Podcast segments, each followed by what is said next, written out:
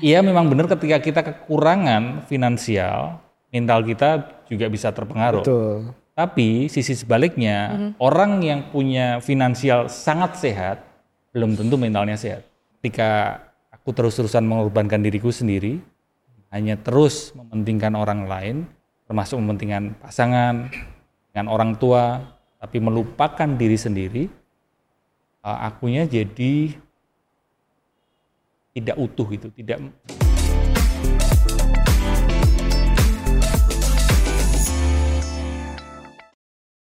Parents, kembali lagi di podcast Curhat Babu, curhatnya Bapak dan Ibu. Dan episode kali ini kita kedatangan tamu yang spesial. Wih, spesial. Spesialnya kenapa sih buat terutama buat kamu nih kayaknya nih? Kah, iya, pokoknya aku pengen zen, pengen tenang. Pokoknya tenang di tengah gelombang aja. Nah, lo kan tahu dong Tenang apa di itu? tengah gelombang. Apa itu? Seseorang yang kita kenal udah cukup lama dari zamannya dulu kita bisnis sebelumnya lah, udah lama banget dan juga uh, seseorang yang menciptakan buku yang membuat Nucha lebih tenang. Dulu tuh nggak tenang orangnya. Iya. Dulu nggak tenang, Nih sekarang juga makin nggak tenang. Kayaknya abis ini harus ditulis deh buku barunya tentang makin nggak tenang di Iya. tengah gelombang. Seorang mindfulness practitioner, seorang content creator juga, Dan penulis buku podcaster ya. sekarang, Bener. penulis buku juga, Mas Aji S. Siapa? S-nya tuh apa? Mas Siapa? Aji siapa nih? Haji Santoso Putra. Halo Mas Haji, apa kabar? kabar saya gini-gini aja. Wah, Wah gini-gini tenang nih aja. kalau gitu. Ini jawabannya gini-gini agak aja. aneh mungkin ya kalau Gini-gini aja tuh aja. gimana nih? Soalnya orang tuh kalau Iya. ditanya kabar baik gitu. Iya. Tapi baiknya sebenarnya belum tentu baik. Iya, kalau di situasi formalitas ya kabarnya baik gitu Iya, ya. Karena ini kan udah temen ya, udah temenan iya. lama kan.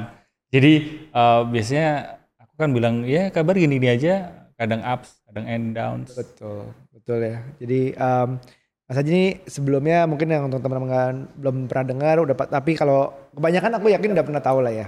Udah pernah tahu Mas Aji ini loh. Iya, apalagi di, dari Instagramnya, aku udah tahu Instagramnya, banget. iya. Apalagi nih pas Mas Aji kemarin sempat ngepost atau nge-stitch istilahnya ya dari video TikTok tentang ada seorang perempuan katanya pengen eh, pokoknya suaminya itu atau pasangan ini memberikan 20 juta per bulan gitu ya wajib banget ngasih gajinya 20 juta per bulan. Iya, Tapi itu dengan Nah, alasan bahwa ini biar menjelaskan bahwa perempuannya itu sudah berpenghasilan sekitar segitu gitu. Ya. Kalau gue menikah sama lo, lo mau nggak gantiin income gue ini gitu. Kasarnya seperti itu. Dan Ya. responnya Mas Aji gimana tuh?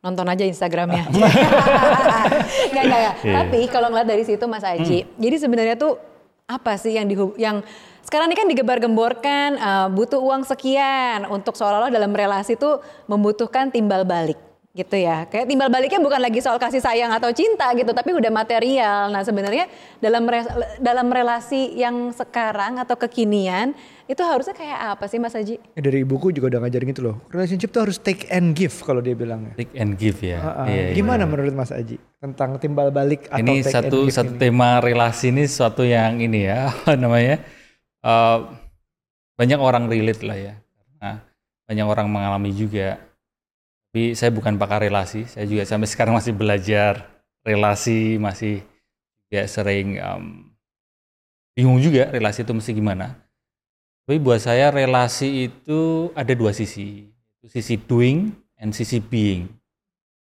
kalau bicara soal penghasilan atau um, nafkah dari laki-laki gitu. Rasa itu sisi doingnya, sisi doing. Tapi yang juga perlu diperhatikan adalah sisi beingnya. Bagaimana laki-laki atau suami itu lebih ke benar-benar ada di rumah. Bukan hanya sebatas. Karena kan mungkin banyak orang menganggap oke laki-laki mencari nafkah, perempuan atau ibu atau istri uh, berada di Urus rumah, anak. urusan apa, rumah, urusan anak. Dan kita sangat terfragmentasi akan hal itu bahwa ya harus seperti itu dan ketika itu tercukupi ya udah dan gitu ya ya udah itu aja gitu. Padahal ya kan nggak sesimpel itu rela- relasi. Maka di sisi being saya rasa suami pun juga perlu hadir di dalam urusan rumah. Begitu pula perempuan pun juga punya hak untuk mencari nafkah, bukan hanya sebatas doing yang ada di rumah gitu sih. Setuju sih, ini juga ini sama dengan eh, komentar yang ada juga di situ Mas Haji. Katanya relasi suami istri ini nggak sesederhana soal pembagian cari uang Ya. dan juga kayak ngabisin uangnya gimana gitu ya. Tapi em, apa walaupun suami walaupun nih misalnya dikasih uang banyak, tapi kalau misalnya secara emosional dia nggak ada di situ, Ya. nggak ikut involve mungkin ya untuk eh, ngurusin anak atau misalnya untuk jadi teman cerita pasangannya, rada percuma juga gitu loh kayak ya gue cuma dipenuhin secara material tapi emosionalnya masih kosong gitu kan? Ya dari sisi doing mungkin tercukupi, Ya, tapi the big questionnya adalah apakah kita sudah mencukupi sisi being kita ketika kita berrelasi dengan pasangan kita masing-masing. Betul. Jadi kalau misalnya aku menanggapi yang yang tadi ya yang yang di stitch tadi ya. ya. Kalau misalnya gimana kalau misalnya suaminya bisa memberikan 20 juta per bulan atau lebih 40 juta, 100 juta per bulan. Tapi nggak pernah benar-benar ada di keluarga itu, di relasi itu atau di anak. Apakah itu cukup? ya cukup banyak cerita ya, ya sebatas teman-teman yang bercerita gitu.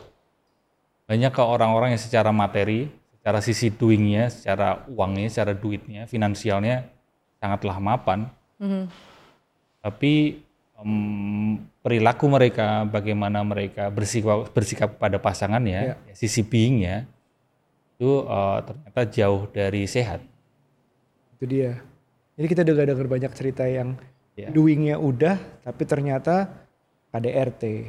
Ya, Atau ya, selingkuh, ya mungkin belum lama ini kan juga gitu. seperti itu kan kita dengar kabar kan uh, orang ini memang begitu secara finansial sangat Hmm. sangat berkecukupan sekali jauh dari Ya. dari uh, wajar gitu ininya finansialnya.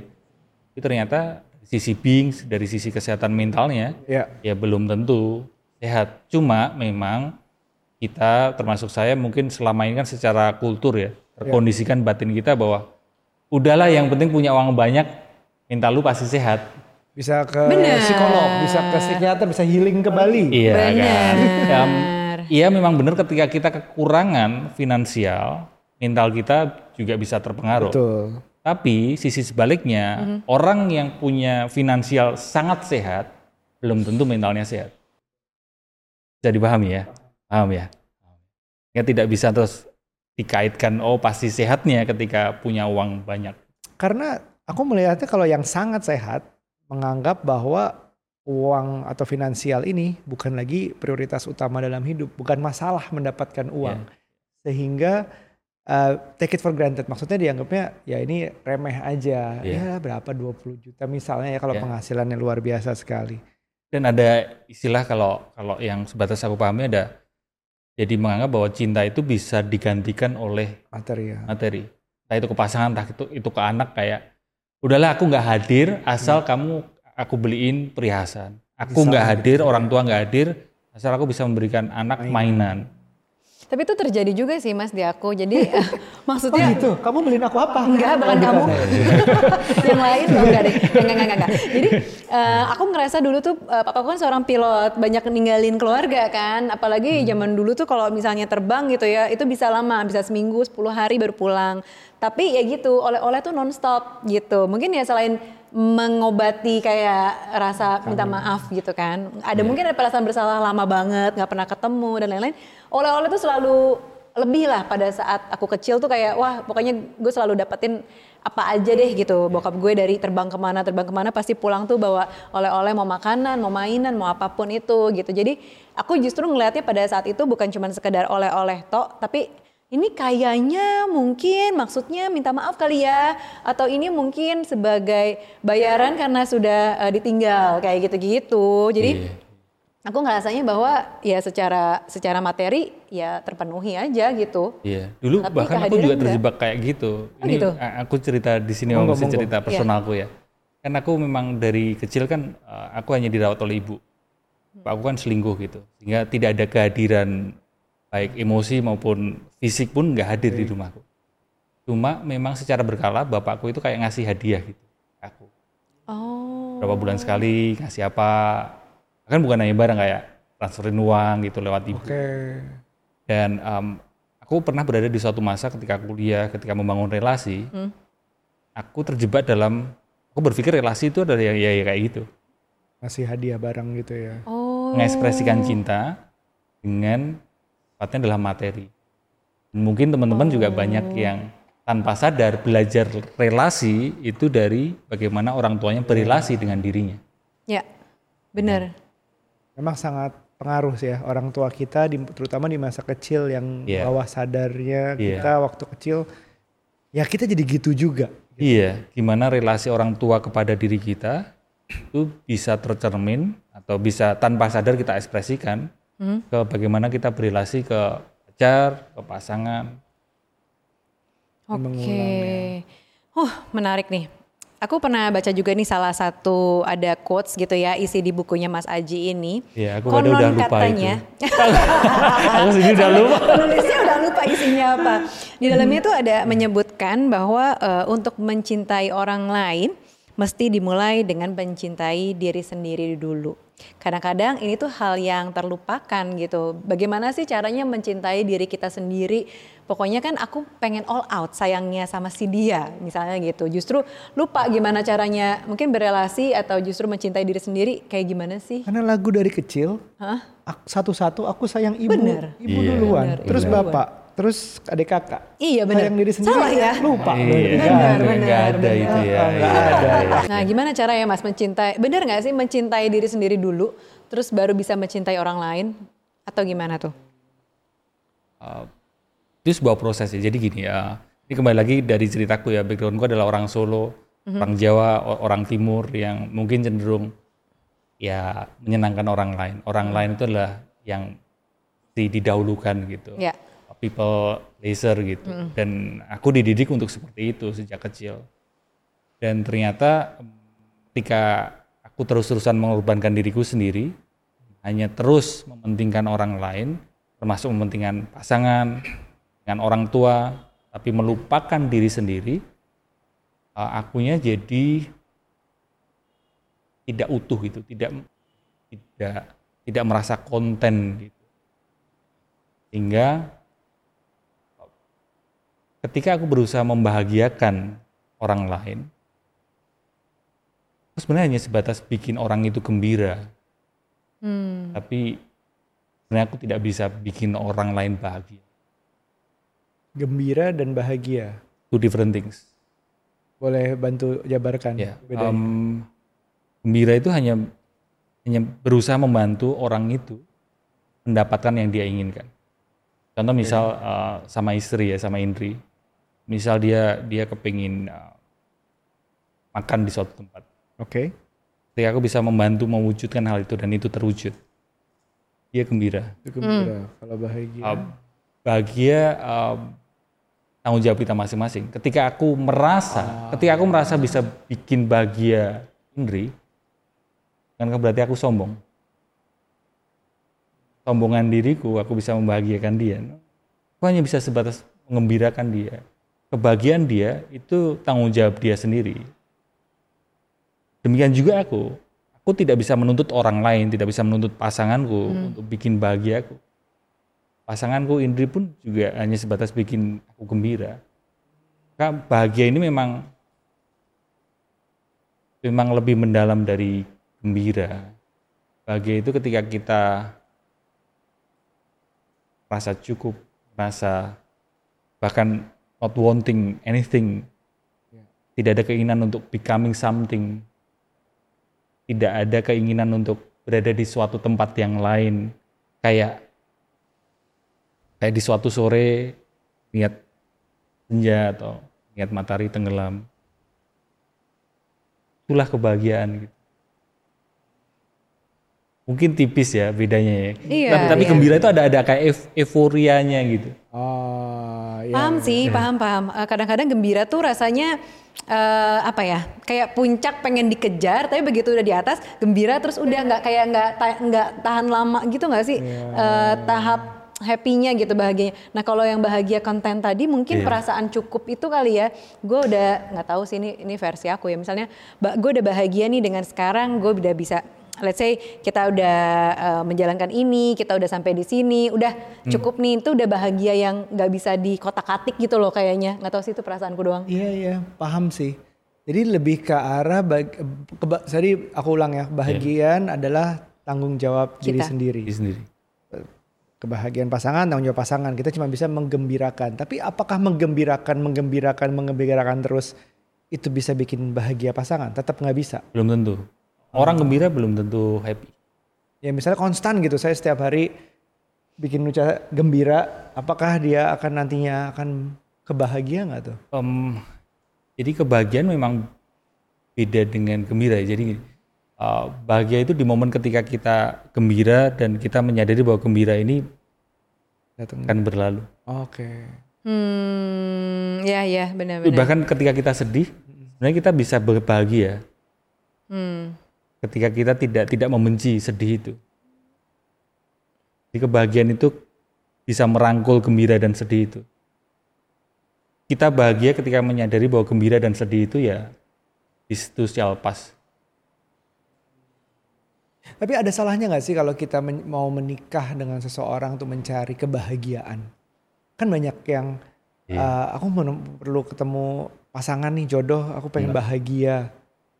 Apakah salah menggantungkan kebahagiaan untuk ya menikah tujuannya adalah untuk Iya. bahagia? Nah, ini menarik karena uh, mungkin perlu kita pahami lebih mendalam bahwa oke aku nikah untuk bahagia. Tapi um, kita perlu memahaminya gini. ketika Kita punya pasangan dalam pernikahan. Pasangan kita itu akan membantu kita untuk lebih mengenal diri kita lebih mendalam. Oke. Jadi, bukan jadi kebahagiaan itu bukan diberikan oleh pasangan itu ke kita. Iya. Dan juga vice versa, bukan kita yang memberikan kebahagiaan itu ke pasangan kita, tapi dengan kita menikah, dengan kita berrelasi lebih mendalam, itu kan pasangan ini seolah kok pinter sekali ngasih tahu apa yang bikin kita risih, apa yang bikin kita marah.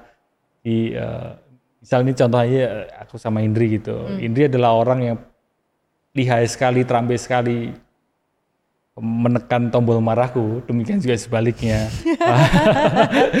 ya, mm, Indri juga termasuk orang yang pintar sekali menunjukkan ini loh, tanpa se- secara tidak langsung yang menunjukkan ini loh Ji, luka batinmu yang belum pulih. Ini loh uh, unfinished bisnismu. Demikian juga sebaliknya. Wow. Sehingga sebenarnya berrelasi dengan pasangan adalah satu-satunya jalan, bukan satu-satunya jalan sih, tapi jalan yang yang utama mungkin. Untuk lebih mengenal diri kita sendiri. Ah, berarti menikah untuk bahagia itu mungkin ya, tapi bukan untuk minta dari pasangan dan diberikan dari pasangan. Tapi contoh mungkin kalau kita, aku em, selama ini jalan 11 tahun, eh udah 11 belum? sih?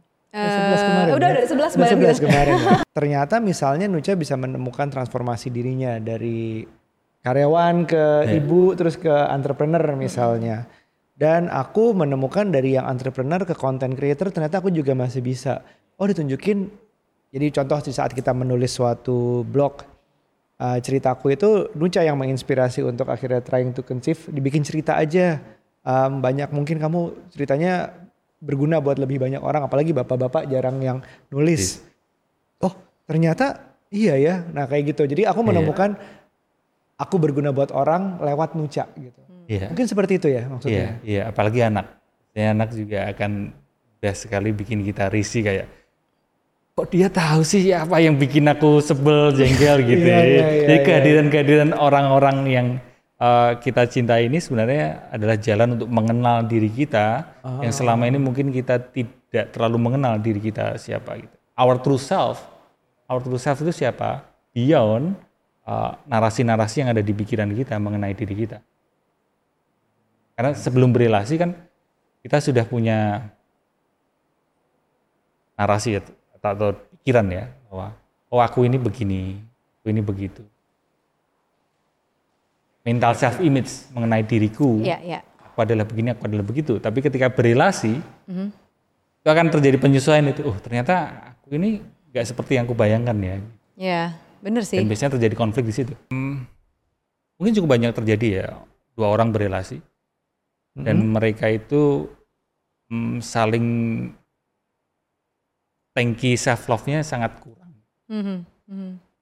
Di Baik. dalam dirinya sama-sama kekurangan stok cintanya gitu. Hmm. Sehingga dua orang berrelasi ini saling menuntut orang lain untuk kasih cinta ke aku, kasih cinta ke aku. Cintai aku. Jadi sama-sama kekurangan cinta dan sama-sama saling menuntut cinta Hmm. untuk dikasih oleh pasangannya. Oh. Maka ada ada satu ungkapan yang mungkin cukup mungkin atau kasar mungkin ya. Kayak kayak dua orang pengemis Mhm. sama-sama nggak punya uang, sama-sama kelaparan, Sama-sama minta tapi. sama-sama minta. Dan itulah yang bikin konflik biasanya. Sehingga dengan memahami itu, biar relasi kita bisa lebih tenang, lebih ya nggak sepenuhnya bebas konflik sih, pasti ada konflik. Ya, tapi ya, ya. setidaknya diri kita perlu mencintai diri sendiri dan membenci diri sendiri. Tapi bergeraklah dari membenci diri sendiri ke mencintai diri sendiri. Lebih ramah pada diri sendiri Hmm. sehingga sekalipun pasanganmu itu tidak terus-terusan memanjakan dirimu, kamu masih punya stok itu, stok cinta dengan yang kamu isi. Em, yang juga sering mungkin dilupakan adalah cinta sendiri itu apa sih gitu. Selama ini kan kita Iya. ngomongin cinta, cinta, self love, Benar. Apa itu? Jadi apa mas? Iya. Apa itu cintai diri Jadi apa sendiri? mas? Ah, Justin Bieber tuh love yourself tuh. iya, iya, iya, iya. dan semuanya ngomongin tentang mencintai diri sendiri. Mungkin ini menjadi jadi jalan keluar bicara soal sebatas apa sih kita perlu mencintai diri sendiri kan. Bergerak dari membenci diri sendiri ke mencintai diri sendiri Mhm. itu oke. Tapi perjalanan selanjutnya adalah menjadi cinta itu sendiri. Maksudnya gini, ah, Jadi cinta itu sendiri. self love, Mhm. mencintai self itu kan, mencintai diri Mencintai kita. diri. Mhm. Diri kita itu yang mana? Pernahkah kita ngomongin hal itu, kita ngomongin tentang self love, self love, tapi kita pernah nggak bertanya self itu yang mana? sebenarnya? Jadi ini self awareness, kesadaran akan diri Iya. sendiri. Dan diri kita ini kan punya punya image mengenai diri diri sendiri. Misal aku, aku punya image diriku adalah begini, diriku adalah begitu. Mental self image mengenai diriku. Mhm. Dan ngomongin tentang self love, berarti aku mencintai mental self image itu. Aku adalah orang yang pakai kacamata, aku adalah orang yang berambut panjang, aku adalah praktisi mindfulness, aku adalah ini. Itu semua adalah mental self image kan. Hmm. Dan ketika aku memperjuangkan, aku masih mencintai diriku sendiri. Kadang inilah yang bikin konflik dengan pasangan karena aku jadi egois. Nah. Ya kan? Aku adalah orang yang suka makan tahu misal. Mental self image itu. Mhm. itu positif kok buat aku yaitu makan tahu yang ketika pasanganku tidak memberi izin aku untuk makan tahu itu akan mengganggu mental self imageku Bi- bisa dipahami ya jadi Bisa, bisa, Iya. bisa. nah sehingga langkah selanjutnya supaya mencintai diri sendiri ini tidak terus jadi bikin konflik adalah beralih dari thinking ke awareness mind atau dari doing menjadi being Hmm. kita melampaui mental self image tersebut. Oh iya, mental self imageku itu ini, mental self imageku itu begitu. Tapi aku bukanlah itu. Oh. Hmm. Our true self bukan mental self image itu. Hmm, Oke. Dengan begitu kita ketika kita berrelasi dan kita ngomongin mencintai diri sendiri, kita akan lebih lebih gentle, lebih lebih fleksibel, bukan terus ngotot terjadi konflik. Gimana caranya aku mencintai dia tapi aku juga mencintai diri sendiri dan itulah yang bikin konflik kan? Iya, iya, iya. Tapi mas, kalau misalnya kita ngomongin soal mencintai diri sendiri, kadang-kadang kalau kita udah nikah, terus apalagi misalnya udah punya anak, mau berbagi cinta ke diri sendiri tuh udah kayak nomor sekian gitu loh mas. Iya, Kayaknya iya, di iya. depan mata tuh udah apa-apa buat anak, apa-apa, ya udah deh pasangan dulu deh gitu. Yang kita tuh jadi nomor Masa? sekian, enggak, Nggak enggak. Jadi contoh doang. contoh. Iya. Contoh, contoh. iya, iya. Aku nggak gitu. Iya. gitu. Jadi eh, mungkin buat diri kita justru yang biasanya terakhir, Terakhir, terakhir deh. iya, Ada yang iya, gitu iya. kan. Iya. Nah, kalau kayak gitu Gimana gimana, gitu? Mas caranya? ya memang langkah pertama kalau kondisinya seperti itu ya beri kesempatan untuk mencintai dirimu sendiri maksudnya kalau memang kamu terlalu banyak cintamu untuk orang lain memprioritaskan orang lain itu tidak sehat sehingga sarannya adalah ya kasih waktu kasih ruang dirimu sendiri Aku sudah merasakan misalnya Nucha mau ada waktu buat diri sendiri itu lebih baik sesudah tanpa waktu buat diri sendiri gitu. Jadi kayak misalnya dia memang butuh ketemu temennya, dia butuh tenis, dia butuh em, pergi sendiri aja. Em, mungkin mungkin saat itu aku bisa aja mikir, oh, jangan ada apa-apa nih. Bisa jadi normal gitu kayak, ini gue salah apa nih? Gitu, lagi mikir seperti itu. At- Kadang-kadang momennya iya, saya paham. Misalnya kita lagi ada selisih, dia butuh waktu, oke fine. Tapi ada juga momennya dia sebenarnya nggak ada masalah sama aku. Ya. Mungkin kantor, mungkin apa, mungkin lagi gelombangnya udah ke mana-mana aja nih Nucha nih.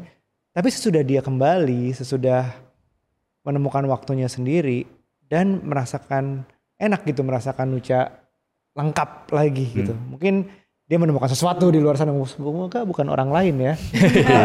Mungkin menemukan sesuatu yang yang oh adrenalin lah misalnya lagi tenis atau apa. Tapi itu jadi bagus lagi di saat kita balik kita ngobrolnya jadi enak lagi. Mungkin itu maksudnya kalau kita mau mencintai orang lain dengan penuh ya kita harus mencintai diri sendiri dulu dengan penuh. Jadi memberikan diri terbaik. Ini aku nih kalau lagi udah nggak uring-uringan, nggak stres, nggak capek, nggak apa segala macam, jadi lebih enak. Iya nggak sih? Ya mungkin langkah-langkah awal gitu ya. Memang eh, relasi ya dua orang gitu perlu memberi ruang kepada pasangannya untuk Oke, take your time, kamu main main-main atau mungkin kamu Iya. senang-senang untuk untuk dirimu itu. Itu diperlukan sehingga meskipun berelasi tapi setiap orang ini mencintai diri sendiri gitu. Ada ada Iya. waktu untuk untuk dirinya sendiri untuk mencintai diri sendiri. Tapi nggak berhenti di situ sebenarnya. Oke. Kembali lagi lanjutannya. kalau kita ngobrolin itu itu adalah di di doing, di thinking mind. Mhm. Dan kalau kita hanya ngomongin di situ, maka muncul pertanyaan lagi, batasnya apa? Ya, batasnya apa? Ya Betul. kan? Batasnya apa? Kalau terlalu me time, terlalu diri sendiri nanti nggak mikirin keluarga dong, gitu nggak mikirin pasangan dong. Karena kebablasan. Jadi jadi atlet lagi. iya, mau jalan-jalan terus atau mungkin tenis terus atau olahraga terus, iya karena kita masih di thinking mind yang selalu selalu seperti itu, konflik gitu. Maka kita perlu juga melangkah ke ranah being, ranah awareness mind. Setiap orang ini yang berelasi si terkoneksi dengan dirinya sendiri melampaui mental self image-nya. Hmm. Mungkin contohnya yang aku nggak nyangka juga adalah em, kebahagiaan yang ini Ya. benarkan juga kalau salah kebahagiaan yang aku dapat di saat Nucha berhasil gitu. Ya. Misalnya eh, memberi, mem, mem- meng- apa ya mendukung dia mem- parent talk nih. Terus dia merasa oh senang ya bisa ini bisa itu. Ternyata parent talk berguna buat banyak orang. Itu ada kayak mungkin bukan aku yang mengatur jalannya, tapi kayak dengan berperan ada Ya. di saat uh, dia seperti itu ada kebahagiaan sendiri. Jadi nggak sepenuhnya kebahagiaan yang didapat adalah dilakukan oleh diri sendiri. Ya, nggak ya, sih? ya benar. Karena karena eh, ini mungkin satu saran yang mungkin agak aneh. Eh, pernah di suatu momen eh, aku ditanya gitu, eh, ada relasi dia konflik dan sebagainya, cara meredakan konflik itu gimana? Nah, ada satu saran yang mendasar ketika berrelasi adalah pasanganmu adalah dirimu. Pasanganmu adalah Gitu diri. ya. Gimana caranya ya mencerna pasanganmu adalah diri. The other is you sehingga ketika pasanganmu bahagia, Mhm. Iya. Gembira, Mhm. kamu ikut merasakan. ngerasain. ha. Dengan punya punya pemahaman, punya kesadaran, pasanganku adalah diriku, maka itu akan meredakan konflik. Akan berkurang menyakiti pasangan. Karena ketika aku Iya. menyakiti pasanganku, aku menyakiti diriku sendiri. Oh, mungkin contoh yang lebih gampang lagi adalah anak ya. Anak berhasil melakukan sesuatu itu ada kebanggaan orang tua gitu ya. Nah, ini pasangan juga bisa kayak gitu. Iya, iya, karena Sebenarnya keberhasilan pasangan juga keberhasilan kita. bagaimana Ya sulit ya bagi, sih? bagaimana bisa dipertemukan dan menikah karena memang seperti cermin sebenarnya kan. Misalnya pasangan selingkuh gitu. Aku nggak bisa bilang Ya, pasangan ya, gua ada contohnya. selingkuh ya? Salah ya? jauh jauh jauh ya jauh Jauh ini Iya, iya, contohnya iya, jauh jauh jauh jauh jauh jauh Contoh yang salah. jauh jauh ya bisa diobrolin itu tapi nanti bakalan panjang ya kan panjang, bakal panjang. Ya, the aku other is you itu ya satu hal tapi yang bagus sekali sih itu. Aku mulai merasakan um, mungkin memang lebih gampangnya karena men- aku merasa selalu mencintai anak tuh lebih gampang gitu karena dulu dari kecil ngelihatnya ada darah dagingnya lah Iya, segala iya. macam gitu. Um, dan itu kerasa di saat dia, oh dia ternyata mirip gue ya dalam hal ini ya, ternyata dia Iya. berhasil ngelakuin ini ya. Nah itu ada senangnya dan sebenarnya itu juga mulai muncul nih di, di pasangan. pasangan dia. Pasangan berhasil sesuatu, um, eh keren ya. Um, nih istri gue loh yang begini Iya. gitu. Ada ada kebahagiaan tersendiri. Gitu. Iya, iya. Kita kan nggak- pas- ini nggak aku nggak pernah ngerasain gitu ya. Tentang aku jangan-jangan nih. Iya. Nggak relate nih. Oke kalau kalau aku ya itu eh, satu pemahaman yang mendasar yang aku sampai juga- sekarang juga masih belajar untuk meredakan konflik dalam relasi adalah perlu kesadaran bahwa ya pasanganmu itu adalah dirimu, Ini- diriku adalah pasanganku, Iya. pasanganku adalah diriku. Supaya ketika nanti ngobrol, misal dalam obrolan gitu ya, obrolan-obrolan sulit ya kan biasanya kan muncul ya Ya. gitu ya, permasalahan-permasalahan. Ketika dengan adanya kesadaran dia itu adalah aku, aku adalah dia, merah kan kadang kalau dalam obrolan itu aku yang paling benar dia salah gitu Ya betul. karena ada state seperti itu ada ada kondisi seperti itu jadinya obrolannya jadi tegang kan karena hanya pembuktian benar kamu salah Yang yang lucu kemarin juga eh, baru di Parent Talk kemarin ada komentar terakhir, bukan di video terakhir ya, ada komentar terakhir. Mungkin baru pertama kali ngelihat video kita bilang ini em, hostnya suami istri ya, aku mirip sih. Padahal menurutku suami istri kan gak ada hubungannya sama mirip, kakak adik mirip. oh iya iya, iya Twins suami istri mirip. Kenapa suami istri mirip? Tapi mungkin setelah dipikir-pikir bertahun-tahun dibilang mirip, karena pasanganmu adalah kamu gitu. Maksudnya sesuatu membawa setelah bertahun-tahun bersama, kan you are who you hang with. Pelan-pelan menjadi ada membaur gitu. Jadi yang tadinya ber ada beberapa hal yang bertolak belakang, tiba-tiba oh jadi suka Iya. sama gitu. Misalnya Nucha tiba-tiba sebelum menikah nggak suka sushi yang mentah gitu. Sekarang yes. jadi mulai suka. suka MU juga Eh, dia suka MU udah dari sebelum menikah karena mantannya juga MU oh soalnya. iya Eh, oke Tapi oke hal-hal kayak aku mulai memperhatikan penampilan misalnya. Ah, iya. Itu sejak sama Nucha di- diajarin caranya gitu segala macam. Jadi kalau dibilang mirip Iya. mungkin adalah image yang membaur gitu secara tidak sadar. udah berapa tahun tuh? nikah 11. 11 tahun. ya udah udah masanya mukanya pun akan jadi mirip Gitu ya? Dulu- iya Waduh, mukanya jadi mirip. Waduh. I- iya masih bukan yang terus mirip banget ya tapi pasti Iya, ada iya. ada kemiripan karena kalau kita udah serumah apalagi kasur lagi ya kan ada ini ada pertukaran Oh, ada kelunturan gitu ada ya, Mas ada ya. yang Aku mulai merasa itu sih karena karena nggak gitu. Iya. Enggak, maksudnya maksudnya kenapa kita disebut disebut uh, mirip itu bukan karena actually mirip berasal dari iya. orang tua yang sama, DNA yang sama, saudara ternyata, oh kita saudara nggak boleh nikah gitu misalnya. Tapi lebih ke arah kayak orang melihat energi yang sama. benar Kita akunya sih sendiri nggak ngeliatan itu. Iya. Emang setiap kali dibilang mirip, emang mirip ya kagak ada miripnya. Benar. Tapi feelnya mungkin ada ada iya energinya karena kan gitu. saling menularkan saling ketularan gitu Itu kayak yang kayak David Iya. Beckham sama Victoria kan Iya. kayak jadi mirip. Kita makin mirip mereka ya. Kita mirip mereka. gitu. Jadi gimana mas? Um, kalau kita um, meng- menyimpulkan Iya, iya. conversation hari ini, membahagiakan diri sendiri, Iya. uh, hubungannya dengan Hmm, relasi. Apa yang bisa disampaikan ke teman-teman Iya. yang menonton Oke. di sini?